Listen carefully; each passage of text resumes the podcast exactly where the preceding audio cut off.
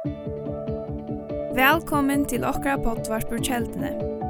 Loika mykje hvert var stater i dag, så vana vi at hesen båskapring kan være til oppbygging for det og for tukt antall av loiv. Takk for at du loir av og njød dagsens båskap. Godt av blir atter, hei alle sammen. Um, og i Matteus kapitel 28, her leser vi om Mario, og Maria Magdalena som kom ut til grøvene til Jesus. Og ta det kom ut til grøvene her, vi leser om et land om det var en større hjertalt her. Og Angel Herrens, han kom nyer, og han stod til og velte bortstøynen, og settes jo han, leser vi det vers 2. Og så stender her at vers 3, at han vær som snarlig og så suttje av klei, han ser vær som kvitt som kjave. Av rastlo fyrir honom skulvot her, skulvot høyr i hildovakt, og vore som deir. Og så er det angelen han til åra og sier vi kvinner, vi Marie og Magdalena og, og Hina Marie. Og han sier, men angelen tog til åra og sier vi kvinner, reist ikkje. Jeg vet at de løyde etter Jesus er hinnom krossfesta. Han er ikkje her. Han er risen opp, som han har sagt komme og suttje steg her herren la. Amen. Jeg var det til løyde til Jesus i hinnom krossfesta. Men han er ikke. Han er risen opp. Han lever. Amen. Halleluja. Vi har vi har just nu hatujar helt eh, postene. Eh, her vid med landa var her vid med landa minnast eh, Jesu deia og hans herre offer fyrir jokken. Eh, hvordan han gav seg sjølvan fyrir jokken av Golgata. Golgata Men vi minnast ikke øynans hansara deia. Vi minnast øysene hansara opprøysen. At han røys oppater, amen. Og at han lever, og han lever i det. Det er øysene okkara proklamasjon eh, av påsken, amen. Eh, ta sema her, ta vid hava breibrøting. Eh, så minnast vi, vi kunngjera deia Jesus her. Men til er moner og at kunngjøre deia Jesus her, deia herrans, og til å kunngjøre en deian person. Vi kunngjør ikke en deian person, men vi kunngjør deia herrans inntil han kommer. Amen.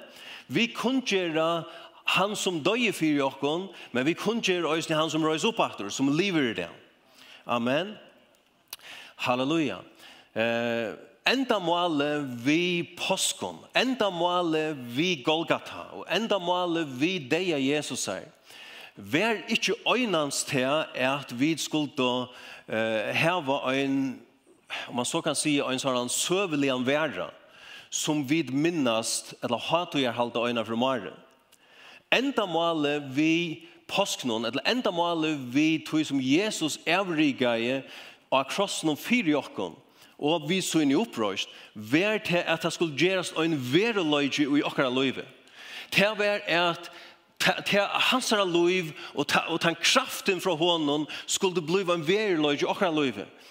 At han skulle flytte inn og takke bostad i okkon. Amen. At han som er opprisen skulle liva i okkon. Amen. Halleluja.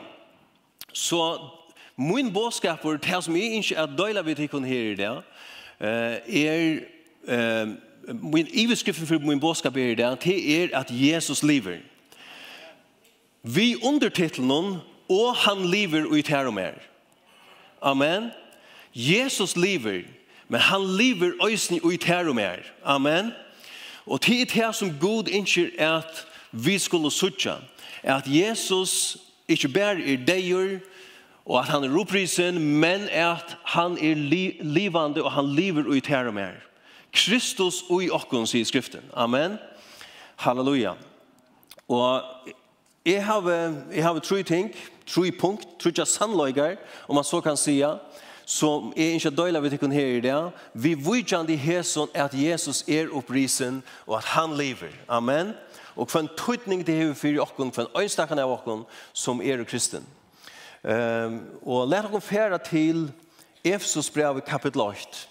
Efesus brev kapitel 8 og kapitel 2. Jeg skal teka nokkur få verser. Og det aller første som er ikke har døyla vidt her, det er vi vujjande tog at Jesus er opprisen, er hettar at vi er opprøst vi Jesusen. Vi er jo livande gjørd og røst opp vi Kristus. Amen. Halleluja. Uh, og i Efsos brev kapitel 8 og vers Ja, vi kan vi kan lese fra vers 9. Det heter midt i en bøn til Paulus. Her Paulus byr for samkomne i Efsos at de skulle ta ei hjertens ej skulle lätta upp og at de skulle sutja til som god i just fyrt hev Jesus, så sier han med landet vers 9, og kvosso er metalliga større kraft hansara, gods, er og okkon som tryggva, så er som veldiga hans hansara virkar, som han vusti i Kristus, ta i han røsti han opp fra hennom deg, og sett i han vi høyre hånd så inn i himmelen. Høgt iver atla tegen, atla myndeløyga, alt vald og herra døme, og kvørst navn og nevnt verur, ikkje best i hese verøld, men øysne ui hine kommande. Amen. Ta vi komma til kapitel 2, så byrjar han i kapitel 2 vi a sia. Øysne tikkon. Øysne tikkon hever han gjørst livande. Amen. Øysne tikkon hever han gjørst livande. Og nå leser jeg lykke her vers 4, 5 og 6, 4 tikkun. Og i kapitel 2. Her sier han såløys at men god som ryker er i miskunn, hever fyrir mikla kærlaga sin skuld som han elskar jokken vi, Øysne tar vid vår og deg og i misbrotten okkara, gjørst okkon livande vi Kristus. El nøye er de frelst, og røst okkon opp vi hånden, og sett okkon vi hånden, og i hin himmelska høymen, og i Kristi Jesu. Amen. Det er fantastisk å lese om det som Gud gjør det for Jesus, eller vi Jesus. Det er fantastisk å lese i kapittel 8, hvordan Gud røste Jesus opp fra henne og deg, og sette han høyt og i himmelen, iver alle tegen, alt vald, alle myndeløyke. Amen. Og gav henne navnet som er iver ødelnør navnet. Og det i seg selv er fantastisk. Men det som Gud samsons vil ha åkne suttja, det er urslidig av tog. Amen. Det er at Gud hever røst okkon opp vi Kristus og sett okkon vi Kristus i en himmelske heimen. Amen. At det blir en åpenbering for okkon, at det blir en kraft i okkar innara menneska. Amen. Legg mest til at Gud gjør det tru ting for Jesus, så å si, og han samsondes har gjort tru ting for okkon. Nummer 8, hvis jeg, hvis jeg hikker etter, etter vers 4, 5 og 6, så, stend, så stender det her i vers 5, nummer 8, at han hever gjørst okkon livande vi Kristus. Amen. Nummer 2, så sier, sier han vers, vers 6, og røst okkon opp vi honom. Og i tre leie, og sett okkon vi honom og i hin himmelska heimen. Så god gjør det Jesus livande, livande, Nummer 2, Gud røsti han opp. Nummer 3, Gud setti han ui hin himmelska heimen høgt overalt. Men Gud har gjort hese tru tingene fyri okkon øysene. Ui Kristus. Amen. Gud har livande gjort okkon. Vi Kristus.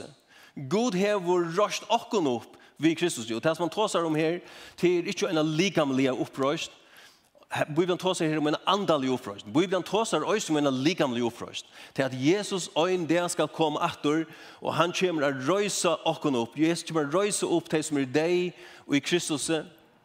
Og, og 4 Thessalonik brev kapitel 4 tåsar man her, er vid ögon der, han kommer att ta åkon hem till så vi ska møte honom skutsen og han kommer att röjsa upp till som er, först till som er såna i Kristus. Amen. Amen.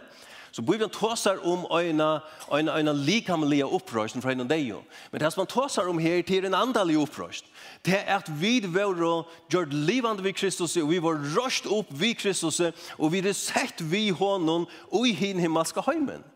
Amen.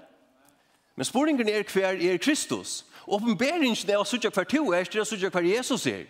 Så att Jesus är sett högt alt. Han er settur högt över alla tign, alla, alt vald, alla myndeløyka, og så videre. Men vi er og sett her ui en himmelska höjmen, vi honom. Amen. Halleluja. Oit, oit som hever og metaliga stauran tøytning fyrir okkara liv, okkara kristna liv, te er eh, kvann hva for sjøvnar hodden vi sutt okken sjolver fra. Amen. Amen hva for perspektiv vi sutt okken sjolv fra. Sørst du, vi kunne sutt okken sjolv øynans fra øynon jæriskon perspektiv, fra øynon holdelion perspektiv. Og vi, om vi øyna sutt okken sjolv fra øynon jæriskon eller øynon holdelion perspektiv, så er vi voik, ja. Jesus sier, hold i er voikt. Så er vi voik. Men om vi suttjer okken hinveien fra en himmelsk perspektiv, fra Guds perspektiv vil jeg si, etla fra ein andalium perspektiv, før vi er i Kristus, så er vi ikkje langur så veik. Amen? Vi er, ikkje, vi er ikke så veik langur ta. Ta vi blir suttja kvar vi er i Kristus. Altså, holdtlige er vi veik, ta vi da vidt. Holdtlige orskar vi ikke sånn. Vi er ekkje avmarska i holdtlige menneskelige. Men Bibelen ikke at vi skulle sutja for vi er andalige og i Kristus, for jeg vil kunne leve og sikrande liv. Amen. Så at det er ekkert tøtningar mye for okken, at vi lærer okken, at sutja okken sjolve ut fra en andalig perspektiv, for vi er i Kristus. Amen. Paulus han sier, alt er i mentor og i hånden, og i Kristus. Alt er i mentor og i hånden som gjør meg sterskan. Så er det Kristus ger med sterskan. Kristus ger til sterskan. Og i hånden er du sterskur, eller stersk. Og i hånden fast du en, en kraft og en myndeløyga til å standa og i møter velde fudgendas, svik og alle fudgendas. Leser Efesus brev kapitel 6. Amen. Halleluja. Og i hånden hever du finnet en kraft. Og i hånden hever du finnet en myndeløyga. Så vi identifiserer okkon vi kvørje vid er i Kristus. Amen. Kvørje vid er i honom. Halleluja. Her er vi stersk. Her har vi denne kraft. Takk, Jesus. Takk, Jesus. Halleluja. Halleluja. Ehm um,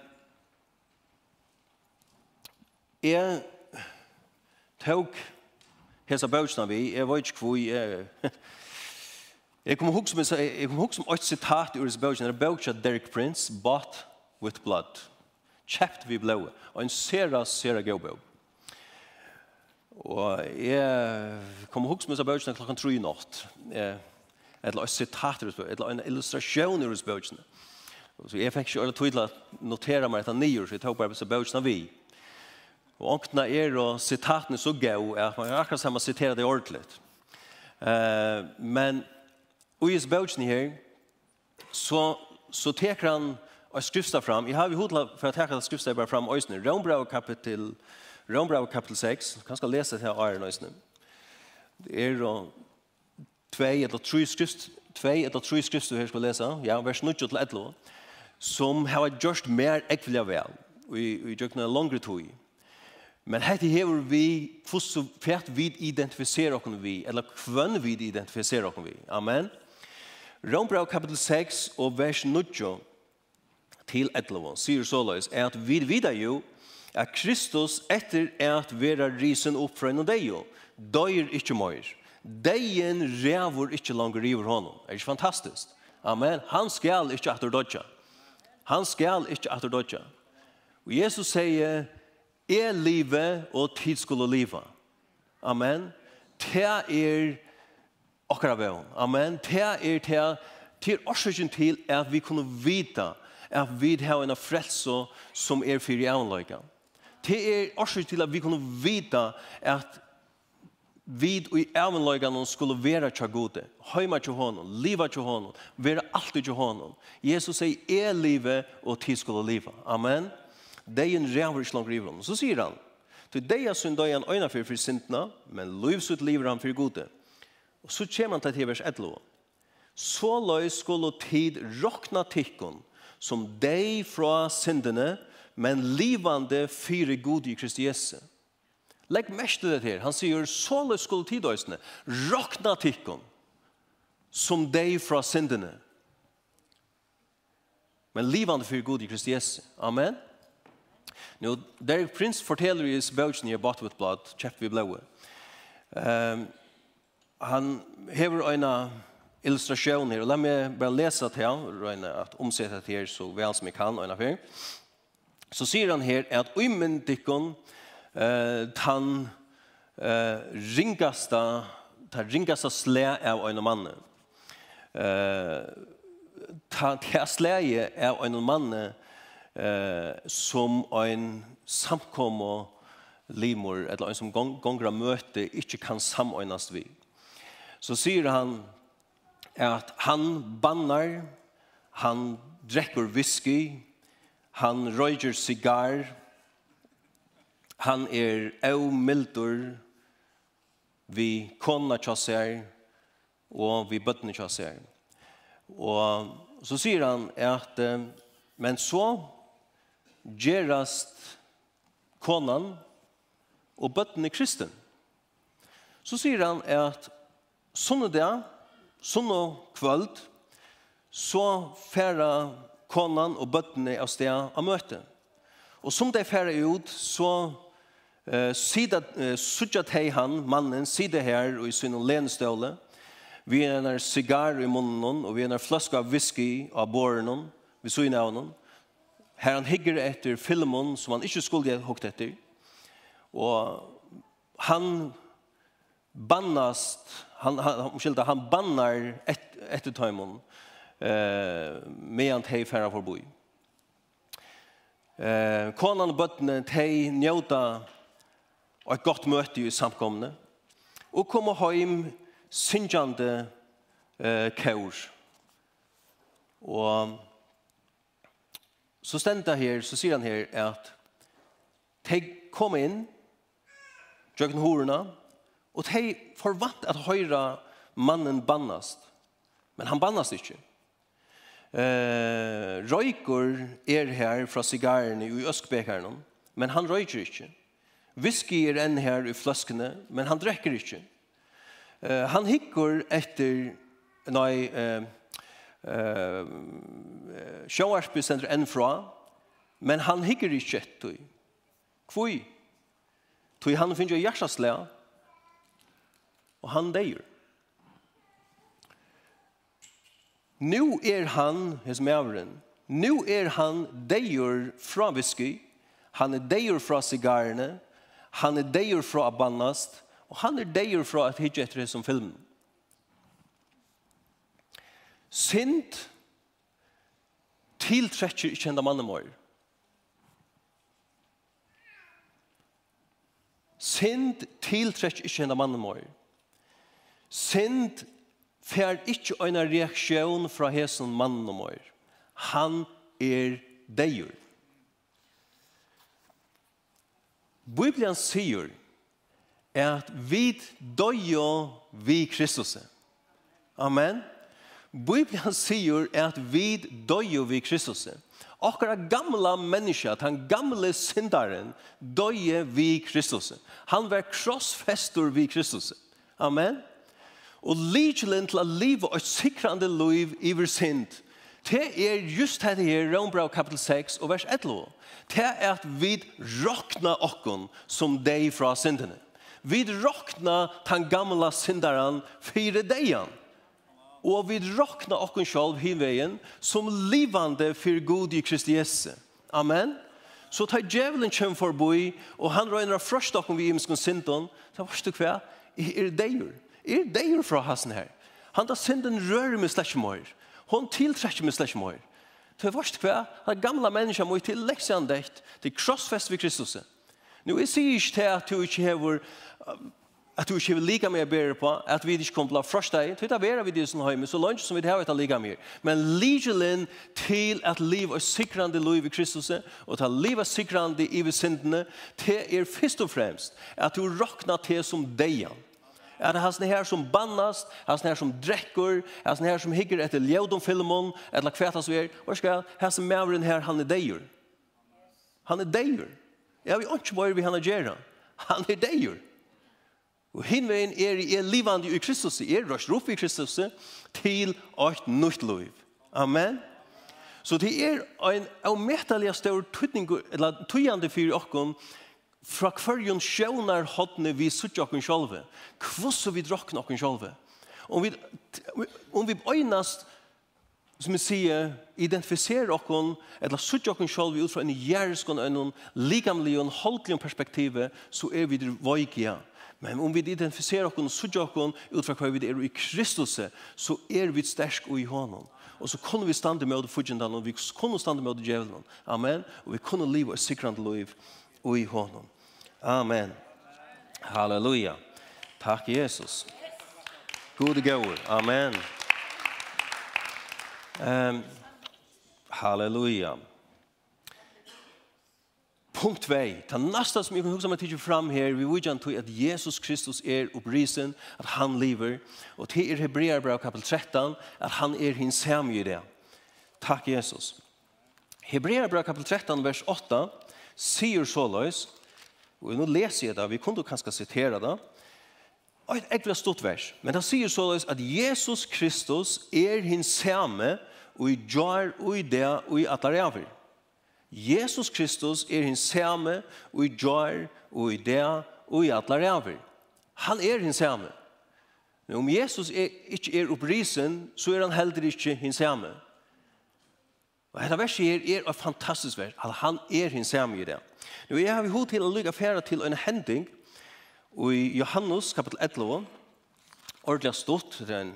um, jeg skal ikke bare lese alle kapitlene her på en, alle kapitlene snur seg størst seg om hans hendingen, tar Jesus røyser opp Lazarus fra henne deg. Men, men det som hender, det er det i begynnelsen av kapitlet, så leser vi om til at Lazarus, han som er bortje til Marsto og Maria, han gjør sjuker, og så sier Jesus vi, vi, vi sine lærersveinar, han sier at, eller han får ta av vita at Lazarus er sjuker.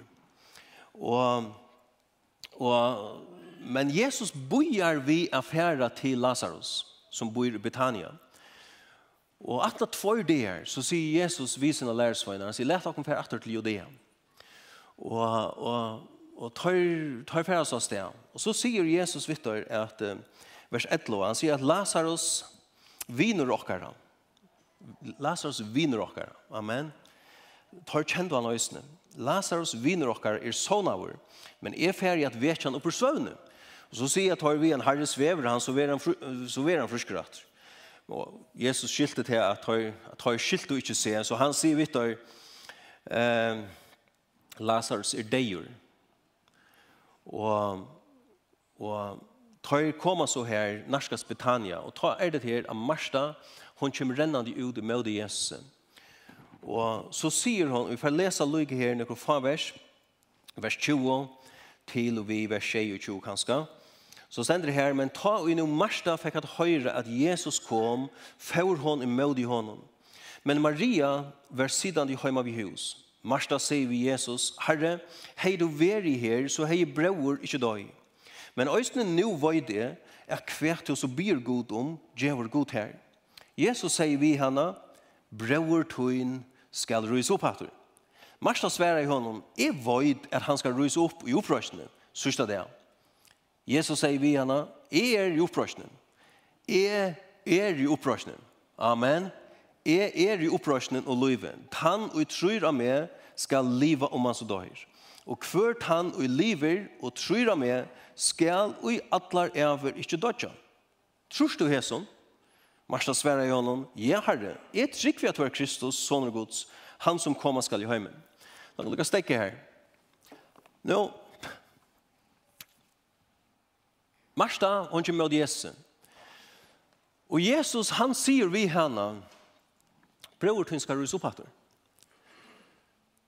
Og, Og så sier han vi han øsne at jeg er i opprørsning livet framveis. Og så sier han hvert hans liv og tror med skal at lærer vi ikke dødja, tror du hesen? Og så sier han, ja, jeg trykker vi hesen her.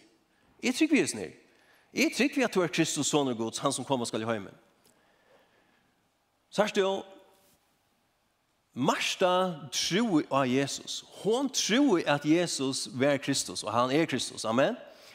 Og, og hun tror jo på opprørsene. Hun tror jo på at, at Jesus kom og det at røyse opp sutt folk, at det er som var deg sånne i Kristus, at han kommer og det at røyse eh, de deg og Kristus opp fra henne deg. Hun tror jo på det. Nekker, en har løft at han var, så hender det her jo, Jesus fer jo inn i byen, inn i Britannia, og han får ut til grøvene her til tja, tja, tja Lazarus. Og så sier han, eh, og i vers 23, så sier han vitt deg, tætjen bors støynen. Og så stender, Mar Marsta, systeren deg, sier vi han, Herre, han dampar langt. Då han er vel i her fyra dager. Jesus, så er det Jesus i vi henne. Sier jeg til her ikke at om du trost skal du sutja dårgods. Sier det her ikke. Sier det her ikke. at om du tror så skal sudja dårgods. Mot poeng og just ned er hettar. Og tid her er at Jesus, han begynner å snakke vid Marsto. Det første som Jesus sier i Marsto til er, hvor skal brøvorden skal rysa opp? Og, og, og, og Marsto lukka som, ja, eh, jeg vet at han skal rysa opp i opprørsene, sørsta det. Sørsta, mot poeng er til er Marsto, hon heier lærerna i Jordan. Hon heier teologien i Jordan. Og, og hon tror til samme som vid øysen trykva. Det at Jesus øyn der, Kristus øyn der skal komme atter, og han skal røy sin deg og i Kristus jobb atter. Amen. Han, hon heier teologien i ordan. Hon, hon tror til som vi trykva på. Men nu knappelig så stender Jesus her i grøven, og så sier han, velte bortstøyen, ruttelstøyen bortstøyen. Og nu ganger det opp for Marstå, at Jesus tåsar ikkje bæra om eina framtøyar hending. Men han innskyr, han, nu stender han her, Kristus stender her i middelen deg, og han innskyr at han her midt og i middelen torra. Her og ta tandegjen. Så er det til ekve tøtninger mye for jokken, at vi har en rette bibelske lærere, vi vidtjende tøy som Jesus hever gjørst for jokken, og tøy som Jesus kommer en det å gjøre for jokken av Golgata, eller hever gjørst for jokken av Golgata, og tøy som Jesus kommer en det å gjøre, og i fremtiden tar han kommer etter. Det er ekve viktig for jokken at vi har en rette bibelske lærere. Men her stender Jesus, og han sier, varst du kvært, jeg er i morgen her. Jeg, er ikke jeg, jeg, jeg, jeg, jeg, jeg, jeg, Det er øyne tøytninger mye for jokken, er at vi sørger til at Kristus, han som er opprørsnen, han som er opprørsnen, og som sier se vera mitt i middelåkken, at han ikke reagerer nekka og i det, at han ikke reagerer nekka og i middelåkken. Amen. Amen han ikke gjør han noe i middelen av ham. Sier det her ikke sier jeg til ikke at om du trorst skal du sudja dård gods. Så er du trygg i ligelen til at oppleva Guds dård. Trygg er ligelen til at erfæra og oppleva Guds kraft i middelen okkom. Her og i det øysene. Amen. Vi leser i Hebreabrand kapitel 11, vers 8, til et kjent vers her. Her stender at trygg er sannføring om det som ikke sast. Amen. Amen Trygg er full vissa om det som vana verur, sannfør, sannføring om det som ikkje sast. Så trygg er en sannføring om det som vi ikkje sutja. Vi sutja ikkje Jesus, men vi er sannført om at han lever. At han døy for jokk, men at han lever røysen. Vi er sannført om at han er her. At han sider vi høyre hånd gods himmel. Vi er sannført om himmelen. Vi er sannført om at vi da en dag kommer til himmelen. At vi da en dag skulle møte Jesus, vi skulle være sammen med hånden her. Vi er sannført om det som Gud har lov oss her, til løn som han har lov oss i himmelen og så er. Vi sier det ikke. Vi sier ikke ønklene til daglig, men vi er sannført om at ønklene er jo her, tja. Amen. Vi er sannført om ødelse tingene som Bibelen tåser om, som vi ikke sier. Trygg vi en sannføring om det som, vi, som ikke sast. Men trygg er øyne her med Trygg vi er øysen lidelen til at oppleve til erfæra Guds kraft og i middelnåkon her og i det. Og det er øysen viktig. Det er øysen viktig. Og en sier det så løs at, at trygg eh, at eh, ja, la meg si, at, si det helt rådlig. Og en sier det så løs at trygg er at trygg var tog og en ikke ser og lønnen for hese trygg er at suttja til og en troer. Amen. Trygg er at tryggva tog, og en ikke ser, og lønnen for hesa trygg er at sutja til og en tro. Amen. Så god innskir at du skal sutja og erfære og oppleve hans kraft og i tøyne løyve. Takk, Jesus. Halleluja. Amen. Amen, amen, amen. Lært dere fære til punkt 3. Og vi skulle fære Vi kan lukka, vi kan läsa lukka tro i verser, eller två vers. Kolosserbrev kapitel 8. Ta, mitt, ta tre punkter som jag inte att ta fram her, og i samband vi hettar at Jesus Kristus er upprisen og at han lever det. er nämligen her at Jesus lever i oss. at Kristus lever i oss. Amen. Eh, i punkt nummer 8 som vi tar sig med det så, så har vi tås med her at vi er livande gjort vi Kristus, at vi er røst opp vi Kristus, amen, at vi er sett vi hånden himmelskøyme. Men, men Jesus er øsne, Kristus lever øsne ui okkom. Amen. Halleluja. Det var uh, kanskje av Dickon kjennes av søvn om en her smadronjen som Jack her, og du sjåar malan sammen med pappasønnen, og han spurte om at her, at her, hvordan det kunne bæra til at vi var ui Kristus, og Kristus var ui okkom. Hvordan det kunne bæra til? Så tog pappen en flaske og fyllte han av i sjekve. Og så kastet han flaskene ut av sjekven. Og så sier han, sjekver er ui hese, nei, vent, fløskan er ui sjøvnen, men sjekver er øysen i ui flaskene. Amen. Så vi er ui Kristus, men Kristus er øysen i ui okken. Amen.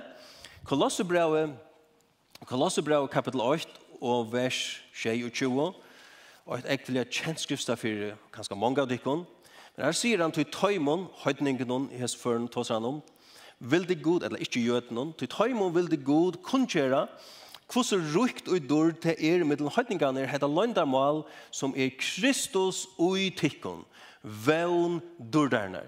Kristus og tikkon, vevn dårdarnar. Amen. Eh, Rombrau kapitel 8, Rombrau kapitel 8, og vers 9, Her sier orgo så løs, «Tau tid er jo ikke holdt noen, men i andan noen, så satt som ande Guds bor ui tikkun». Og så sier han, «Og tann og ikke hever anda Kristus er, høyr, ikke hånden til». Halleluja. Er nu Kristus ui tikkun, så er vi liga med dette, gjør synder, men anden er lov, til gjør rattvisen. Takk, Jesus. Så Kristus bor i okkom. Vi er røst opp vi Kristus, vi er ui honom, men Kristus er øysni ui tær og mer. Og jeg trykve at ein lykjelen til at liva eit kraftfullt kristenløy. Amen, hvordan er det okken ikke liva eit kraftfullt kristenløy? Hvordan er det okken ikke at liva eit løy her vi gjør en mån for Guds rujgjera gjør. Her vi ber avvøkst for Guds rujgjera gjør. Amen. Jeg tykker at en lykjel til at liva et kraftfullt kristenliv er at hava så åpenbering av at Kristus lever ui mer. At Kristus bor ui mer. Amen. At han som er selv opprørsnen. Ikke, han, han som ikke bare er opp, risen fra en deg, men han som er opprørsnen, bor ui mer. Amen. Halleluja. Efesus brev kapitel 3, og vers 20 sier såleis. Amen. at men honom som mentor er er gjerra møyr enn alt. lekt ut hon til og vi be etla skilja. Etter kraftene som ui okkon virkar. Amen. Som sagt, jeg tykker det er likelig noen til at livet er kraftfull kristenliv. til er at vita. Det er en åpenbering over hver han er. Hver han er som bor i ter og mer. Han er Jesus. Han er Kristus som bor i tæra mer. Han er han som er opprisen som bor i tæra mer. Han er han som, han som er sier herre bor i tæra mer. Amen. Han som hever sikra bor i tæra mer. Han som eh, er større enn han som i heimen og er bor i tæra mer. Han som er mettur at gjøre lekt ut om det som til skiler bor i tæra mer. Amen. Han som er opprøsnen Han bor ut her, som erste godsbaden. Amen. Paulus sier såleis i Galatia brann kapitel 2, vers 20. Han sier at er krossfestor vi Kristus. Og det er ikke langer er som livet. Nei, Kristus lever og i mer. Og det er livet som er noe liv i holden, sier han. Det er livet i trunne av sånn Gud som elsker meg og som gav seg selv han fyrer meg. Som sier, jeg tror at livsnå til livet er kraftfull kristen liv, til er at suttje just hettar, at Kristus lever i mer. Han som er opprøsningen, han som er livet. Takk, Jesus. Amen. Halleluja. Halleluja. Jesus, han hever, han bor i okkon, og han hever giv i syna kraft, til, mittel anna, er grøa til sjukken, og til å løse mennesker fra, fra imenskom bonden. Amen. Halleluja. Og jeg vet at vi har finnet seg kraftene. Jeg vet at Pauli har seg kraftene. Amen. Jeg er så opprørsende kraftene. Hon bor i, hon bor i hon. Jeg vet at Bygvi har seg kraftene. Jeg vet at Jastrid har seg kraftene. Jeg vet at Øydes har seg kraftene. Amen. Og jeg vet at vi donner har seg kraftene øyne. Hesa upprørsna kraftene som bor i oss. Takk Jesus. Amen. Og som kan seta mennesker i frihet. Sagt du, Jesus ger mennesker fri, men han er ikke øyne bruka til og med. Jeg kan huske meg enda vi affærlig atter til Johannes kapitel 11 om ta Jesus røyser på Lazarus for en dag. Uh, Lyga lesa her tvei vers, og til vers 3, 4, 4, 4,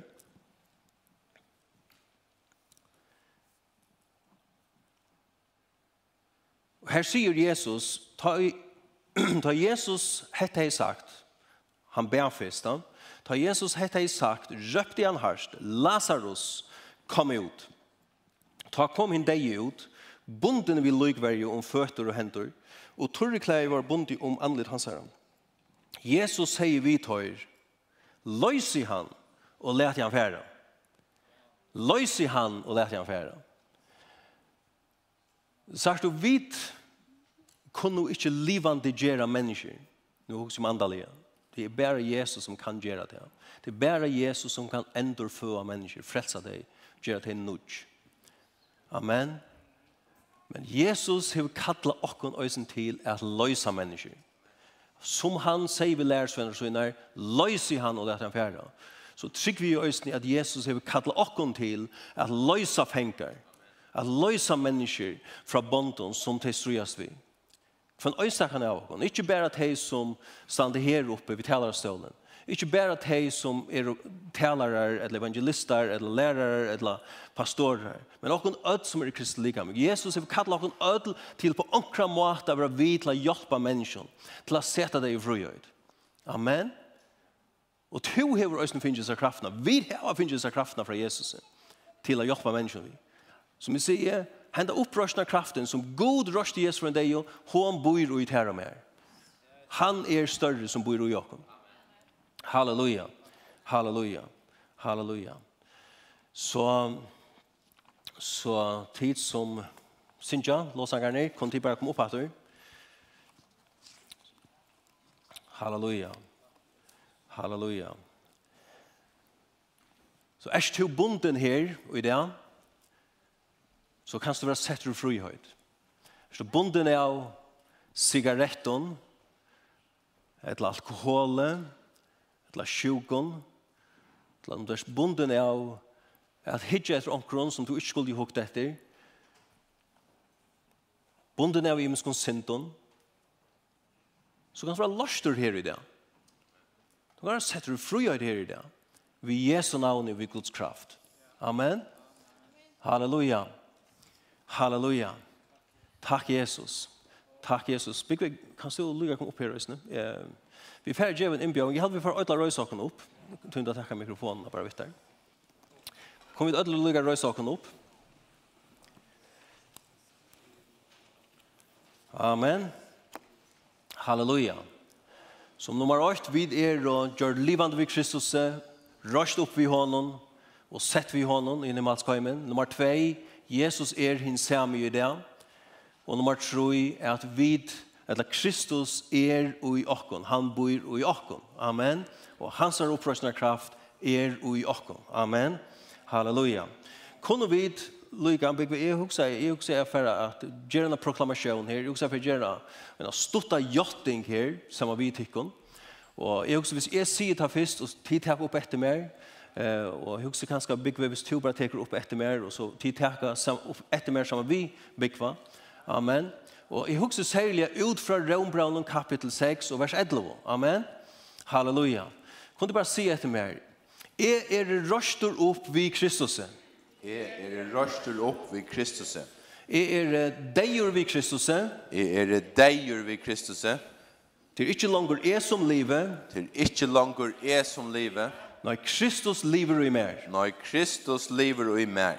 Jeg er deier ved Kristus. Jeg er deier i Kristus. Men jeg råkner med som livande for god i Kristi Jesu. Men jeg råkner med som livande for god i Jesu Kristus. Amen. Amen. Halleluja. Nå, hatta er den første, den første som ikke du skal gjøre. Amen. Hatta er den første, den viktigaste, den som er ikke at du skal gjøre eh, atnende bådskapen her i dag. Det er at du identifiserer deg med Jesus, for du er til Kristus. Amen. Eh, at du gjør til for, for du er til Kristus. Og i ørenleie så ber vi sammen. Så ber vi for deg at du skal være setter og frihøyt. At du skal være grøtter. Men, men, men la det være at hun har gjort ting, at hun har bekjenning ut under munnen, for du er til Kristus. Amen at du er deier vi honom fra syndene, og at du er livande for god i Kristus. Amen.